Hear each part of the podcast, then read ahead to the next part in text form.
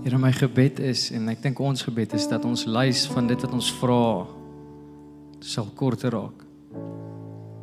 Ja, ons ons het baie vrae en ons het baie behoeftes en ons het baie begeertes en en tog nooi vir ons uit om te vra. Maar Here ek ek vra dat die styl waarin ons vra, die hart waarin ons vra, dat dit sal verander. Dat dit sal aanhou verander. Dat dit sal sentreer rondom u teenwoordigheid dat dit sal sentreer rondom u hart en dit is moeilik want ons is 'n mens en ons het 'n hart en gedagtes, patrone en 'n wil van ons eie en u het ons doelbewus so geskape om nie 'n robot te wees nie, maar daar's iets spesiaal wat gebeur wanneer die wil van mens en die wil van God belyn. Wanneer ek kies om teen my eie wind te gaan na die wind van die Gees, die asem van 'n God Daar's iets spesiaal wat gebeur wanneer ek sê ek sien my wil is nie dieselfde nie en ek het vra en ek het begeerte en ek het so lank lys maar ek kom met hierdie lys en ek sê Here help my om af te krap wat nie van U af is nie. Help my om te sien dat dit wat ek vra gaan nie goed eindig nie. Help my om te sien dat dit wat ek vra is U steeds besig dalk om nou te doen. Dat dit nie oombliklik is nie, maar dalk 'n proses is. Help my lysie, help my lysie mens God om oop te wees vir openbaring, om oop te wees vir vars wind van God, om oop te wees om in u teenwoordigheid hierdie lys te bespreek en te gesels en, en by u voete te sit. Want ek is nie hier om net geseën te word en en te ontvang nie. Ek is hier vir u Jesus. En dit in in homself is 'n besonderse geskenk. Here, dankie dat ons daai geskenk vir oggend kan ervaar en steeds ervaar in musiek, in geselskap, in koffie, in en saam wees. Ons ervaar daai geskenk van ons Skepper. Hy is met ons in elke oomblik. Dankie, Here. Ek bid vir u woord wat nou in harte gaan val en ek bid dit u ons sal vorm met u woord. Dat ons anders hier sal uitstap as wat ons ingestap het dat ons gedagtes en ons hart verfris en en wakker sal word. Arise, o sleepers, dit sê dit sê in Handelinge, word wakker, jy wat slaap. Dankie Here. Dankie Jesus. vir u hier wees met ons. Wat 'n geskenk. In Jesus naam. Amen. Jy is welkom om jou sitplek te neem. Dit is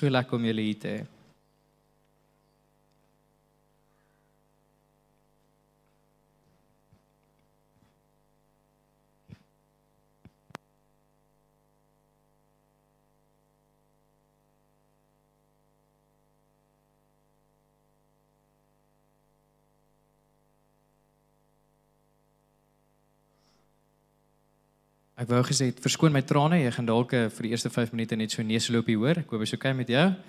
Ek dink ouers is al gewoond daaraan aan so neusloopie. Sterkte vir julle en ek hoor daar's 'n bietjie siekte van die vooraf. Uh, is al iemand anderste? Dit's 'n bietjie siek seisoen, hè? Mense sukkel met bors en hoes en allerlei dinge.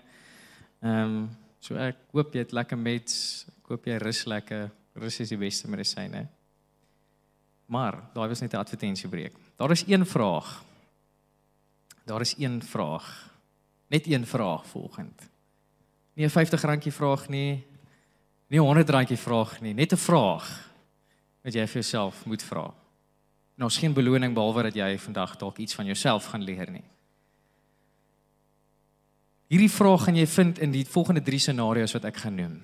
Jy is in 'n vakansietrip op pad na eindbestemming toe.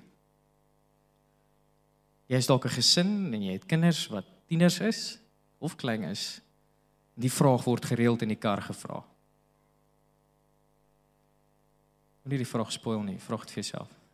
Niemand het gehoor wat hier vooraan gaan nie. Jy is dalk in 'n lang vergadering met 'n raadstafel wat so lank is soos die Suid-Afrika se grense homself. Jy kan amper nie eens die ou aan die ander kant van die tafel sien nie. En die agenda is al 300 punte lank en jy vra hierdie vraag. Of jy's dalk in 'n gesprek en hiersoos die punt van die gesprek. en die persoon wat die gesprek met jou het, doen heeltyd hierdie.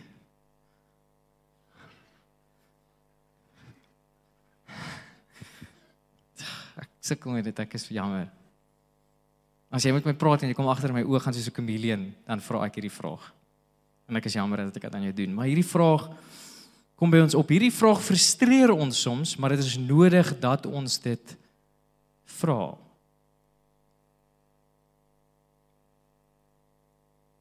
Is ons al daar? Are we there yet? Is ons al daar? Is ons al daar? Ek wil net so 'n lusmakertjie vir jou gee vir al die uh mense wat in die 2000s groot geword het of vir al die mense wat kinders gehad het terwyl hulle in die 2000s groot geword het of net as jy 'n movie animation lover is. Hierdie ene spesiaal vir jou. Dankie Karel vir die ligte en dankie Andre. Are we there yet? No. Are we there yet? Not yet. Hey, are we there yet? No. Well, are we there yet? No. Are we there yet? Yes. Really? No. Are we there yet? No! Are we there yet? No, we are not. Are we there yet? No. Are we there Are we yet? there yet? Hey, that's Hey, not that's funny. not funny. Hey, that's really immature. That's immature. really immature. See, this is why See, this is nobody why no likes one likes ogres. ogres. All right, you're All lost. right, you're lost. I'm gonna just stop talking. Finally. But this is taking forever. Shrek, and there ain't no in-flight movie or nothing. The kingdom of far, far away donkey. That's where we're going. Far, far away. All right, all right, I get it. I'm just so darn bored. Well, find a way to entertain yourself.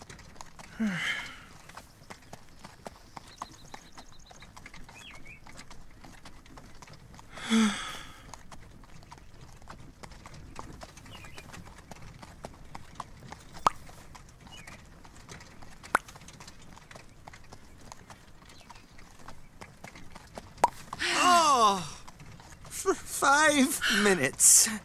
Could you not be yourself? For five minutes!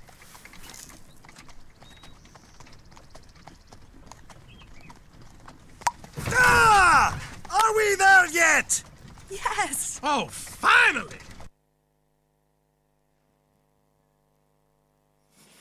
Ek is baie jammer as dit vir jou terugflitsse gegee het na jou vakansie in Desember met jou kinders. Maar ehm um, ja, ek dink ons almal ehm um, moet hierdie vraag vra vir onsself. Ons moet hierdie vraag vra. Daar is 'n sielkundige effek wat aan ons brein aangaan. Hulle noem dit die Zeigarnik effek, as ek dit nou reg uitspreek. Elke keer as ons iets begin, is ons so bedraad en so gemaak dat ons hierdie sielkundige spanning het om dit te wil klaarmaak. En ek dink dit gaan tot 'n volgende vlak as jy jouself klassifiseer of sien as 'n taakgedrewe persoon. Maar as jy iets begin dan wil jy dit klaarmaak. Jy sien want ons breinkapasiteit werk so dat daar meer kapasiteit, aandag, petrol, masjien, wat ook al voorgegee word vir take wat nog moet voltooi word as herinneringe vir take wat jy klaar voltooi het. Jou brein wil 60% van die krag gaan daaroor om te sê, wat moet ek nog doen en wat moet ek nog klaarmaak wat ek klaar begin het?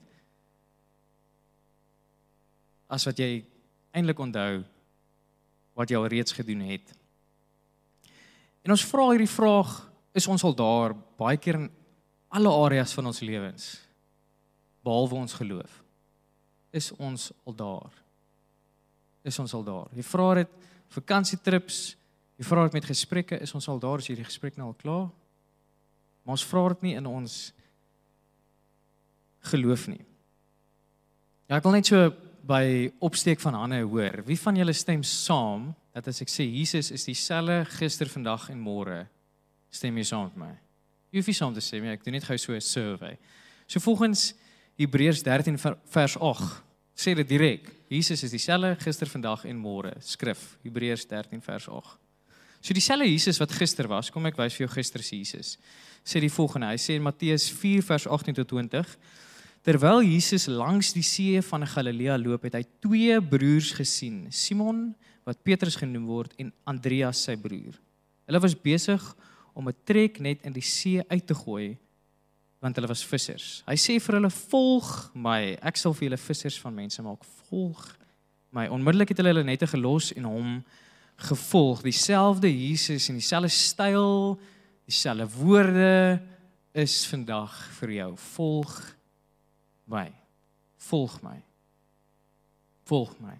Hy nooi ons vandag dieselfde uit en hy het jou dieselfde uitgenooi dalk daai geleentheid wat jy hoe kan hier by Korpus was of by enige ander plek of in jou binnekamer wat jy die stem van God gehoor het wat met jou praat, volg my in jou werksplek, 'n vriend wat met jou gesels het, God werk deur mense. Volg my. Jy het al daai woorde gehoor. En as jy nie volgend het nie, mag die skrif vir jou 'n uitnodiging wees. Volg my. En ek is doodseker dat meestal van ons wat vandag hier sit en ek maak nou aanname, het al ja gesê op hierdie antwoord. En as jy nie het nie, is dit ook oukei. Okay. Dis 'n uitnodiging vir jou vanoggend. Maar kom ons sê en ek praat eintlik vanoggend by die mense wat ja gesê het. Volg my. Jy het daai uitnodiging gekry. Is die volgende vraag nie is ons al daar? Of moet ons die vra waarna gaan ek nie? As Jesus vra dan was volg my. Dit klink baie prakties nou. Is ons al daar? Want net so terloops toe Jesus gesê het volg my aan hierdie twee broers, het hy nie gepraat van die hemel nie. Net om duidelik konteks te gee. Hy het nie gesê volg my tot in die hemel nie, alhoewel die hemel ons belofte is en die hemel is die uiterste suiwer teenwoordigheid van God homself. Nie 'n plek noodwendig nie. Nie nou te diep in teologie ingaan nie, maar dit is nie hier nie. Dit is nie dit waarvan ek praat nie. As hy sê volg my, was dit iets hier op die aarde. Volg my. So my vraag is, is ons al daar? Is ek al daar? Is jy al daar? En waarheen gaan ons? As Jesus dan nou gesê het volg my en hy vra dieselfde vraag. So ek praat ver oggend ook spesiaal met die wat jong volwassene is. Wie's jong volwassene hierso? Nou kyk ek ek kyk sommer weg van die eerste ry want hierso sit hulle. En as jy jong volwassene voel vanoggend, steek 'n hand op. Ja. My beursie is leeg. Woe! In elk geval, jong volwassenes, wanneer jy begin date, tieners, vang tips. Hier kom ek, dating counselor 101 wanneer jy begin date of selfs wanneer jy besluit om met iemand te trou of selfs die van ons wat onsself bevind op ons vriend Tinder. Mag my dit sê? Kan ons dit sê in die kerk? Is dit oukei? Okay? Mag ek my skud net so kop nee? OK. Ons ons kies om met iemand te wees. Jy swipe right. Ek was nog nooit in my lewe op Tinder nie. Ek sê dit met 'n eerlike hart en ons niks fout daarmee nie, maar ek as ek verkeerde taal gebruik, jy sê net daar die bank uit, is eintlik swipe up of wat ook al. Jy swipe right, jy kies iemand, jy date iemand, jy kies om met iemand te trou, enige vlak van verhouding. Hoekom? Hoekom? Hoekom kies jy? Ek glo die kernrede hoekom jy besluit om met iemand te wees is want jy hou van hulle rigting. Jy hou van waar hulle nou op pad is. Jy hou van hulle visie in die lewe. Jy hou van waar hulle mik sien dis hoekom mense goed sê soos opposites attract. Ja, jy hoef nie dieselfde persoonlikheid, sin van humor of eintlik enigiets in daai lyn te hê nie. Jy kan nog steeds van iemand hou, maar dis nogals moeilik om om met iemand te wees, om 'n verhouding met iemand te hê in die sin van getroud tyd in daai rigting. En jy stem nie saam met iemand se rigting waarin hulle op pad is nie. Maak dit sin? Knik. Amen. Waar Anne enigiets. OK, anders moet ek nou stop. Jy kies om met iemand te wees op grond van die rigting waarin jy op pad is. So as Jesus sê, "Volg my," as ons kyk na Christianity for Dummies en ek weet nie of julle al daai For Dummy boeke gesien het nie, maar ek maak my Photoshop oop op my laptop. Ek gaan hierdie boek nou maak en toe ek die Photoshop oopmaak, toe sien ek maar daar is eintlik so 'n boek. Hierdie boek bestaan. Jy kan hom gaan koop vandag in Ek weet nie waar nie, maar hy bestaan. Hy's op Amazon, weet ek vir 'n feit, maar ek weet nie waar hy nog is nie. Daar's eintlik 'n boek Christianity for Dummies. En Ek wil nie nou namens hierdie boek praat nie, maar ek wil eintlik in beginsel van hierdie boek praat. Ek het geen idee wat hier ingenoem word nie. Maar as ons vat vanoggend Christianity for Dummies, jy moet dit dumb down, jy wil dit net die eenvoudigste ding is moontlik maak. Dan is die vraag, Jesus het vir ons gevra, "Volg my." En ons vraag dan daarna seker maar maar waarheen gaan jy?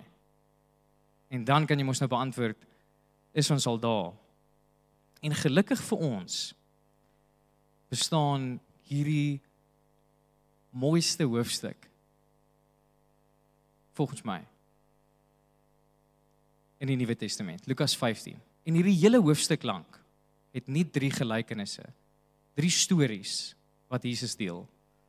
En gelukkig vir ons beantwoord Jesus hierdie vraag waarheen is hy op pad, want hy het ons vir ons genooi volg my. So Lukas 15 praat hy oor waarheen gaan hy? Sodat jy weet waarheen jy op pad is, sodat jy weet is jy al daar. Sien Lukas 15 het het drie gelykenisse.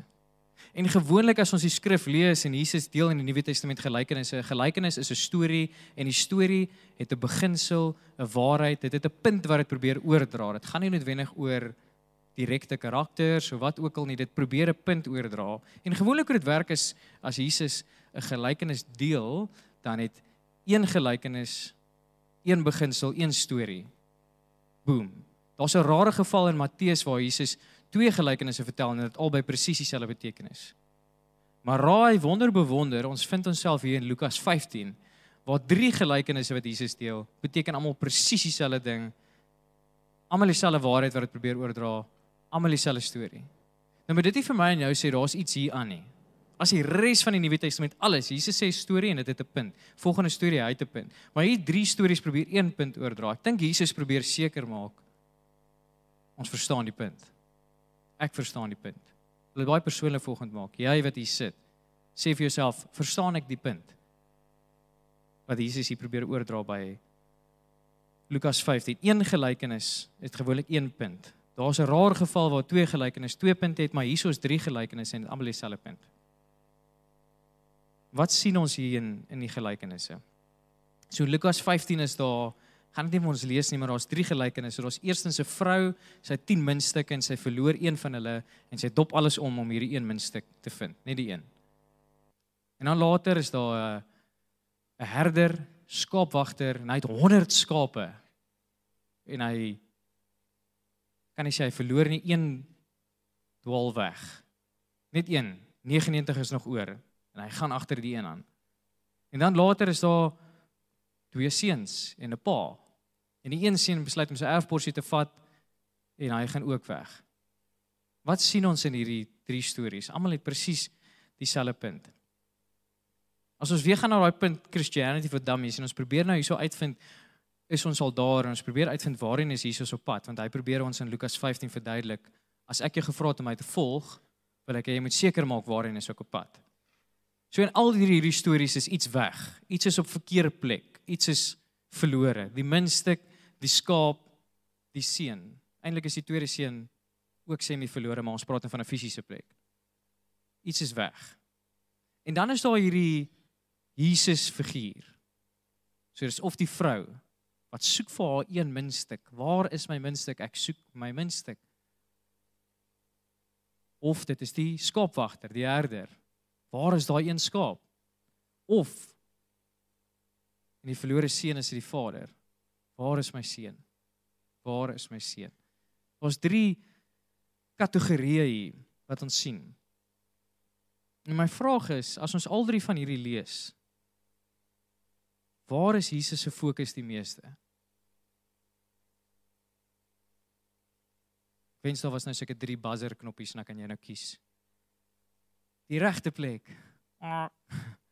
Maar ons het nou nie buzzers nie, ons kan dalk volgende maand buzzers. Enigiemand wat vir ons wil buzzer skenk kom asseblief na die tyd en na die koffiestasie toe. Maar as jy nou kon buzz, as ek nou kon buzz, sou ek gekies het Jesus se fokus is op dit wat weg is, dit wat op die verkeerde plek is, dit wat verlore is. So daar waarheen Jesus gaan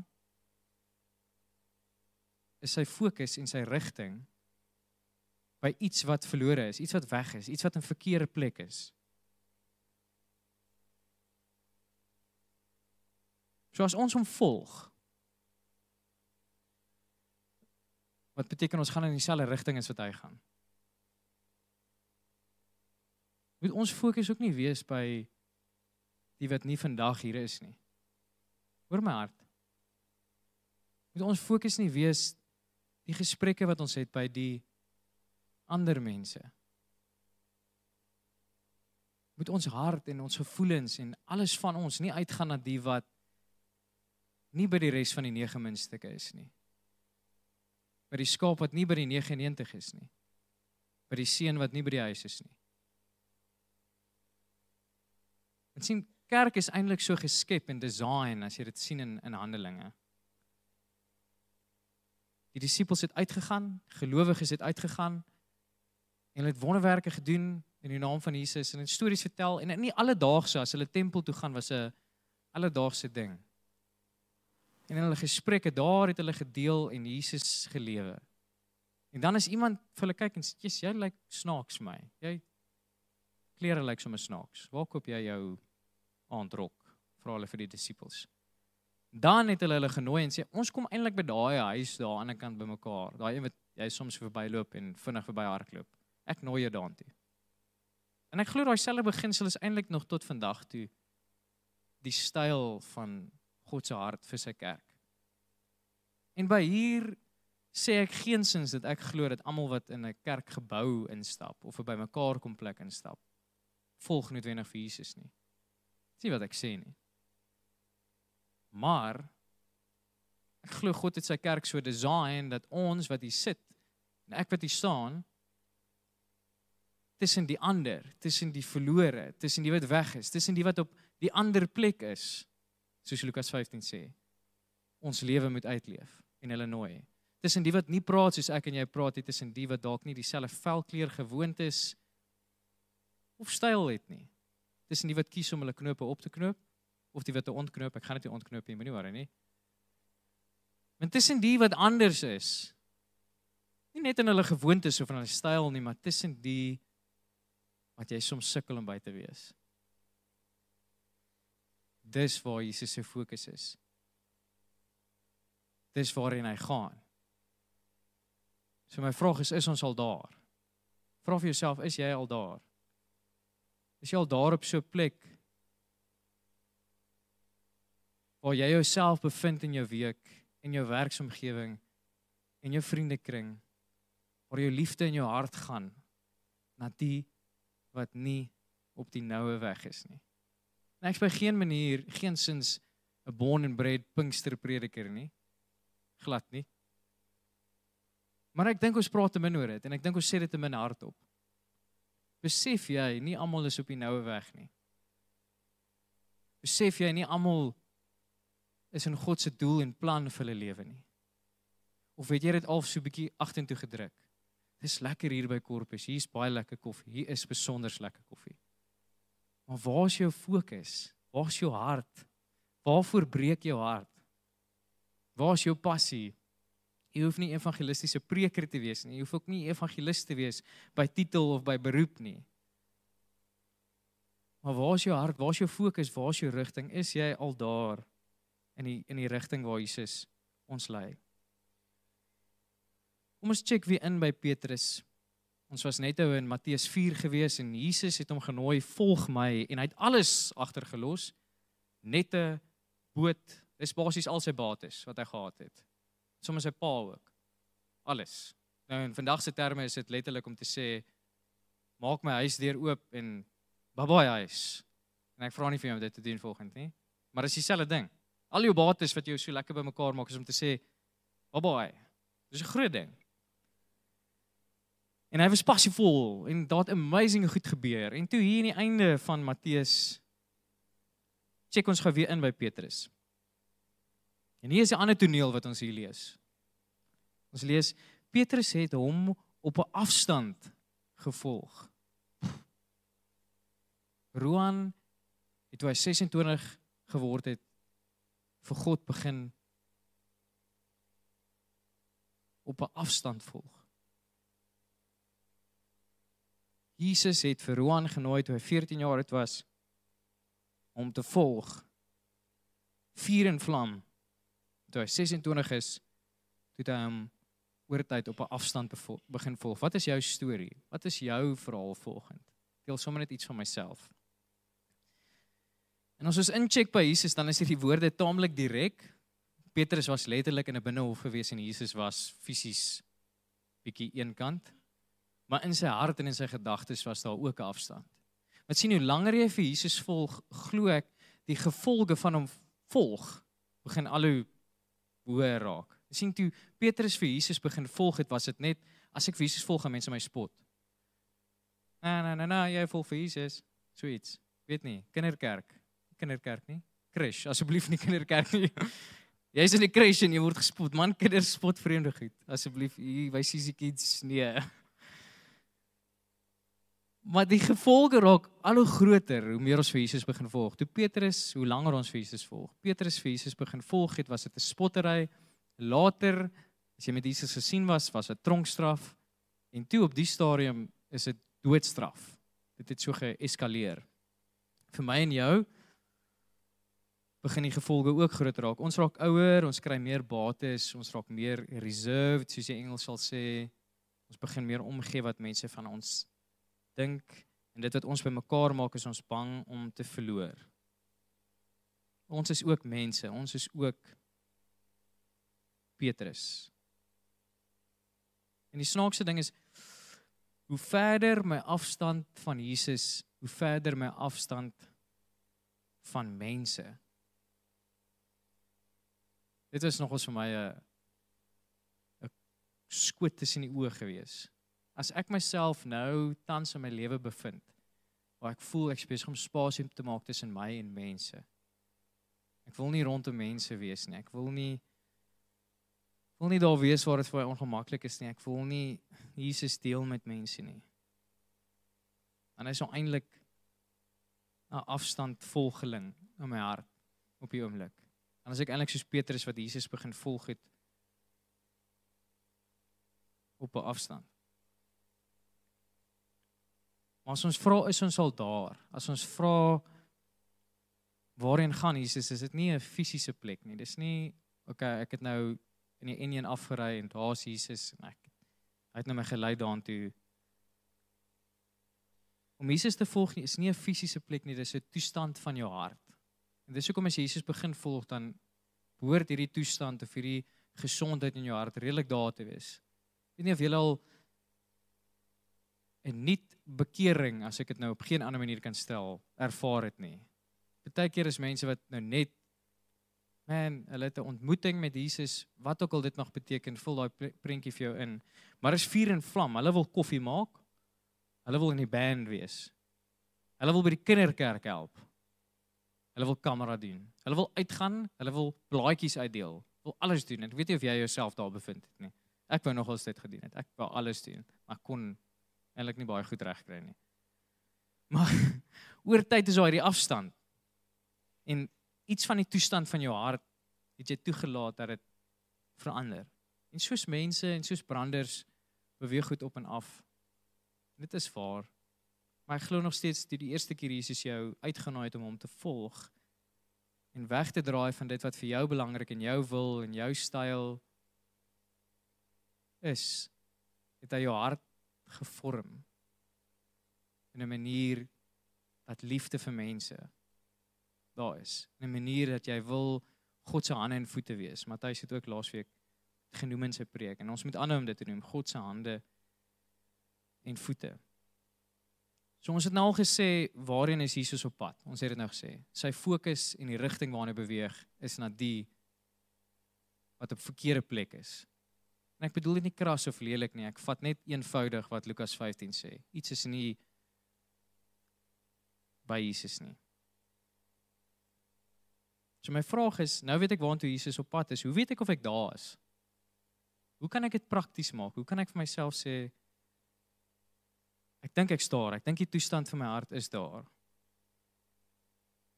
En ek dink punt om 1 om te besef of jy besef jy's daar is dat daai gedagte in jou hart brand dat jy 'n evangelie draer is. Dis een van die mooiste woorde vir my hierdie week wat net deeltyd in my opkom. Ek is 'n evangelie draer. Ek dra die evangelie in my hart. Ek het 'n storie en die Here kleer heeltyd my storie in elke week. Jy wat vandag hier sit. Jy het 'n storie. Jy het elemente en en bakenpunte in jou lewe waar jy kan regtig waar sien. Dit is getuig hier die Here gewerk. Dis wat hy gedoen het. Dis waar hy deurgekom het. Dis waar ek nou is. Maar hier staan is deel vandag van my storie. Ek begin minder my storie te deel want voel soms vir my vreemd, maar jy het 'n storie, jy's 'n evangeliedraer, jy dra die goeie nuus van Christus. Jy dra die goeie nuus van Jesus in jou hart dat hy verzoening gebring het tussen jou en hom en tussen hom en mense, dat hy verzoening gebring het tussen ons wat in rye vandag sit met mekaar. Waar daar soms haat en twis is tussen mense, dat hy verzoening kom bring. Dit is ons is evangeliedraers. In die Ou Testament was dit 'n pos gewees, 'n posisie. Jy was 'n evangeliedraer. En wat beteken evangelie beteken goeie nuus, net om gou die connections te maak. Dis wat evangelie beteken, die goeie nuus van Jesus. In die Ou Testament was daar 'n pos gewees, 'n beroep gewees. Jy is 'n gospel carrier, jy is 'n evangeliedraer en wat dit beteken het is daar was oorlog gevoer van koninkryke en die koning gaan ons nou nie in die middel van die oorlog sit nie, menslik gesproke. Hy het op sy troon gesit of in sy kamer gesit en sy hare geblou draai wat ook al hy gedoen het. Dan het die evangelie draer, die gospel carrier is jou beroep. Is amper soos ons tykelot oudjies wat zoef, met hulle fietsies ry. It's next level. Checkers en Woolies Dash en tykelot man, daai ouens, daai slater aan mekaar. Hulle is ook evangeliedraers as jy kos bestel het en hulle kom by uit. Hier is die goeie nuus. Jou McDonald's is hier. Dit is vir my goeie nuus. Dit was Vrydag aand vir my goeie nuus. Saterdag. Mag ek sê ek het McDonald's bestel? Dink ek weet nie. Anyway, evangeliedraer. Hierdie evangeliedraer het in die Ou Testament dan wanneer die oorlog so 'n paar dae aan die gang is, het hy gehardloop na die oorlogveld toe en hy het gekyk hoe lyk dit? Wen ons, wen ons nie? En dan as jy gewen het of jy het nie gaan nie gewen nie, dan jy terughardloop na die koning toe en sê we made it. Ons het dit gedoen. Ons het oorwin. Die ander soldate is mors dood. Ons het gewen. Ons het hierdie land. Dis die evangeliedraer. Hy het iets ervaar in sy hart. Hy het die goeie nuus en hy het die goeie nuus terug vir die koning gaan gee. Jy sien ons is vandag net so klein bietjie in reverse. Dis wat dit beteken om 'n evangeliedraer te wees. Ons het die goeie nuus, ons het die ervaring van Jesus. Dit is eintlik die gedagte van ons wat hier sit in hierdie gebou volgens. Alhoewel ek sê nie almal wat in hierdie gebou sit is noodwendig ek volg vir Jesus nie. En dis meer as oukei. Okay. Daar's niks fout daarmee nie. Maar die manier hoe die kerk design is, is iemand wat in die wêreld God ervaar het en deel kom in die liggaam. Ons is Corpus Christi, ons is die liggaam en ons kom terug met die goeie nuus. Wat is die goeie nuus? Hier's 'n vriend hier aan my sy. Hier's iemand wat Jesus ervaar het en ek deel ek deel die nuus met hom en hy word gevoeg in die liggaam. Dis die goeie nuus. Ek deel my goeie nuus. Hy is hier, dis waar my fokus lê. Dis waar my hart lê om by mense uit te kom, die wat val, die wat wat soms wegval, die wat se hart seer is om by hulle uit te kom en hulle wat by jou uitkom wanneer jy voel ek val weg. Ons is evangeliedraers. Timoteus 4 vers 5 sê die volgende en dit sê dit vir my so mooi in die ehm um, ESV vertaling dit sê for you always be sober minded. Maak seker jou gedagtes is reg. Endure suffering. Dis iets wat ek iets hoef op te sê nie. Ons almal ervaar dit. And do the work of the evangelist fulfill your ministry. sien Timoteus was nie 'n evangelis by beroep of by titel by titel nie. En so is ons ook dalk nie vandag evangeliste by titel nie en dit is nie eintlik 'n titel nie. Dis ons bediening. Fulfill your ministry. Jou bediening, jou manier hoe jy mense dien, is juis om hierdie evangelie te dra en dit te deel met jou dade, met jou hande, met jou voete, met jou woorde, dat jou passie, dat jou rigting, dat jou hart is vir die wat op verkeerde plek is. Dis een manier hoe jy kan weet of jy daar is. Besef jy daai? Het jy daai gedagte toestand? Het jy daai hartstoestand? 'n Laaste manier. Het jy dringendheid in jou hart? Is daar dringendheid in jou hart oor die nuus deel, Jesus deel? In talle maniere, nie net om Bybel te lees vir iemand nie. Het jy dringendheid in jou hart? Ek wou baie graag die Titanic theme song gespeel het, maar ek dink ons sou dan net aanhou dit sing en saam karaoke, so ek gaan dit nie speel nie. Ek is 'n groot Titanic fan vir al die Titanic theme song. Ek wil diep in my hart nou begin sing near far wherever you are. Maar um, ek gaan nie en ek is jammer. Almal wat wil karaoke volgende week met Titanic, julle is welkom. Ons reël 'n geleentheid by die kerk. Maar nietemin, ons ken die Titanic storie. Maar daar's 'n element van die storie wat ek nooit geweet het nie. Ehm um, en dalk weet jy dit vanoggend en dalk moet jy daarvan herinner word of dalk weet jy dit glad nie. Dalk is jy in my bootjie. Excuse the pun. Die Titanic groot skip, ons weet dit en ons ken die storie dat hy in 'n ysberg vasgery het en toe gesink het. En ons almal verskil in rede hoekom hy gesink het. Punt is hy het gesink. En dit is tragies. Duisende mense se lewens is verlore. Maar iets wat ons nie weet nie, wat nie so in die media bekend is nie of dalk weet jy dit en jy moet vanoggend herinner word. Maar daar was 'n man op die Titanic met die naam John Harper.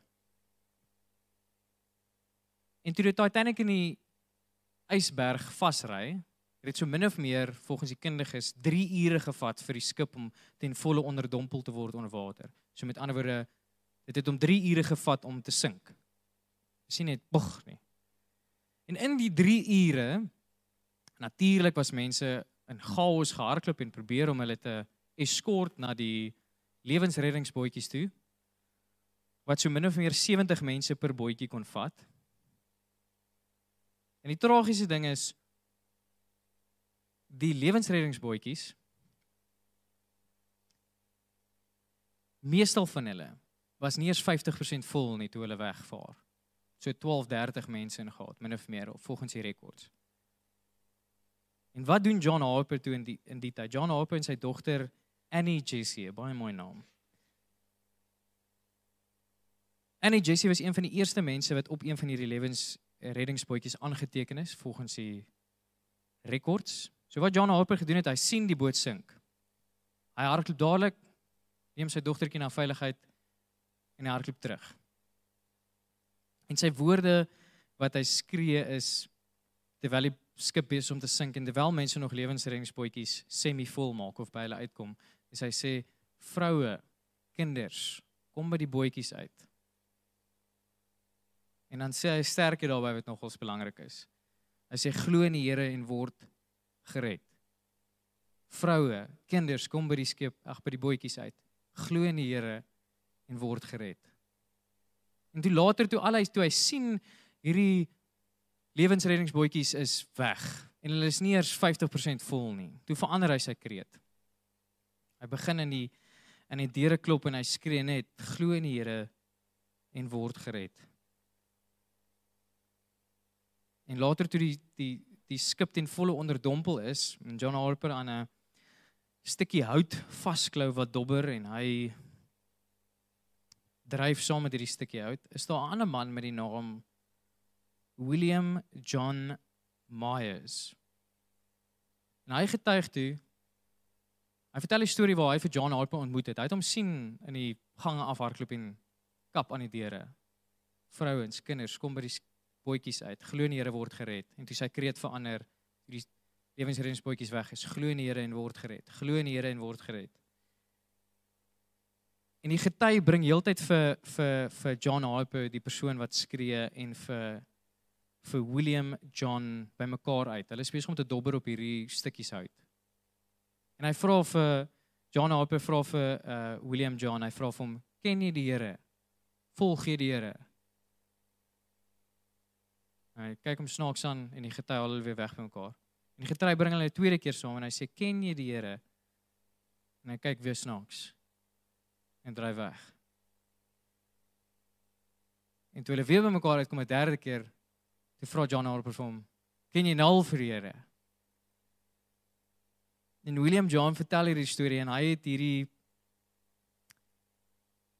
die wrak, hierdie skip wat sink oorleef want daar het net een lewe, lewensreddingsbootjie teruggedraai uit almal van hulle uit om seker te maak dat daar nog mense is, dat daar nie nog mense is wat kan gered word nie. Daar almal van hulle is 50% min of meer vol. Net een het teruggedraai.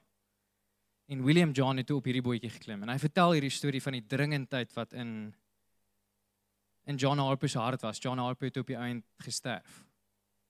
Al wat hy wou seker maak is ken jy vir Jesus? Daai dringendheid in sy hart en 1 Tessalonisense 5 vers 2 sê die volgende: Want julle weet as julle nie weet, wil ek jou vandag herinner en ek wil myself herinner self baie goed dat die dag van die Here soos 'n die dief in die nag kom. Dink jy hulle het geweet daai skip gaan sink? Nee, Anders is jy mos eienaardig om op hierdie skip te gaan. Die dringendheid in John Harper se hart het iets in my inspireer. Die koninkryk van God is naby. Is reeds hier? Maar is ook naby. Volgens skrif is dit wat Jesus sê.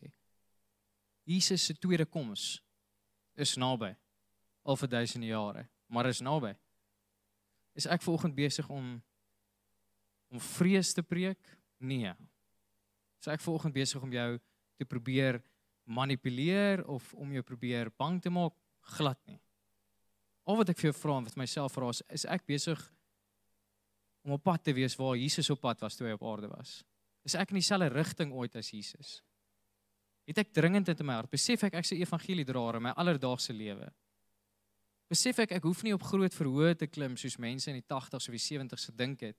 Dit was great crusades geweest, maar dis nie al manier hoe jy die goeie nuus wat jy het kan deel nie. Besef ek dit? Ek wil afsluit met die met die volgende gedagte. Dit is my so mooi hoe die boek van Handelinge praat oor die die die eerste groep Christene, die eerste groep disippels. En hulle word glad nie Christene genoem vir ek dink min of meer so 6 hoofstukke lank nie. So vir weke lank word hulle glad nie Christene genoem volgens die publiek nie. Hulle word genoem volgelinge van die weg. Dis wat hulle genoem is. As jy iemand in die pad raap geloop het, het jy hom nie 'n Christen genoem nie. Hy het sê daai ouens is een van 'n volgeling van die weg, followers of the way. Gaan lees Handelinge. Hulle staan heeltyd bekend as followers of the way. Ons staan bekend as followers of the way. Niks fout met die woord Christen nie. Beteken jy's van Christus af. Maar be besef jy ook vanoggend jy is 'n follower of the way. Volgeling van die weg.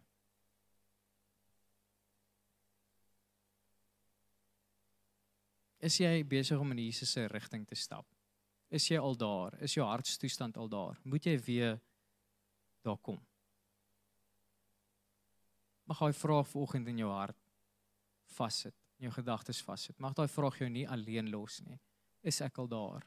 Mag jy soos dankie wees wat tussen skrik en vir jou nou kom. Are we there yet? Mag dit jy wees? Mag dit jou nie swaar druk vanoggend nie, maar mag dit 'n opregte vraag wees. Is jy al daar? Kom ons bid saam. Dankie Here vir eerstens vir u genade. Ons het vanoggend gesing this is amazing grace. Dankie vir u genade dat ons raak soms oor tyd afstand volgelinge. Net soos Petrus wil ons van 'n afstand af kyk wat gaan nou hier gebeur. Gebeur met almal van ons as ons nou eerlik is. Maar dank, dankie vir u genade wat gereeld met ons hart werk, gereeld met ons gedagtes werk. Is ek besig om by mense uit te kom? Mense, mense wat dalk nie op die regte plek is nie, mense wat nie in Christus se liggaam ingeënt is nie, mense wat wat 'n plan en 'n doel deur U het. U, die skepper van elke mens op hierdie aarde.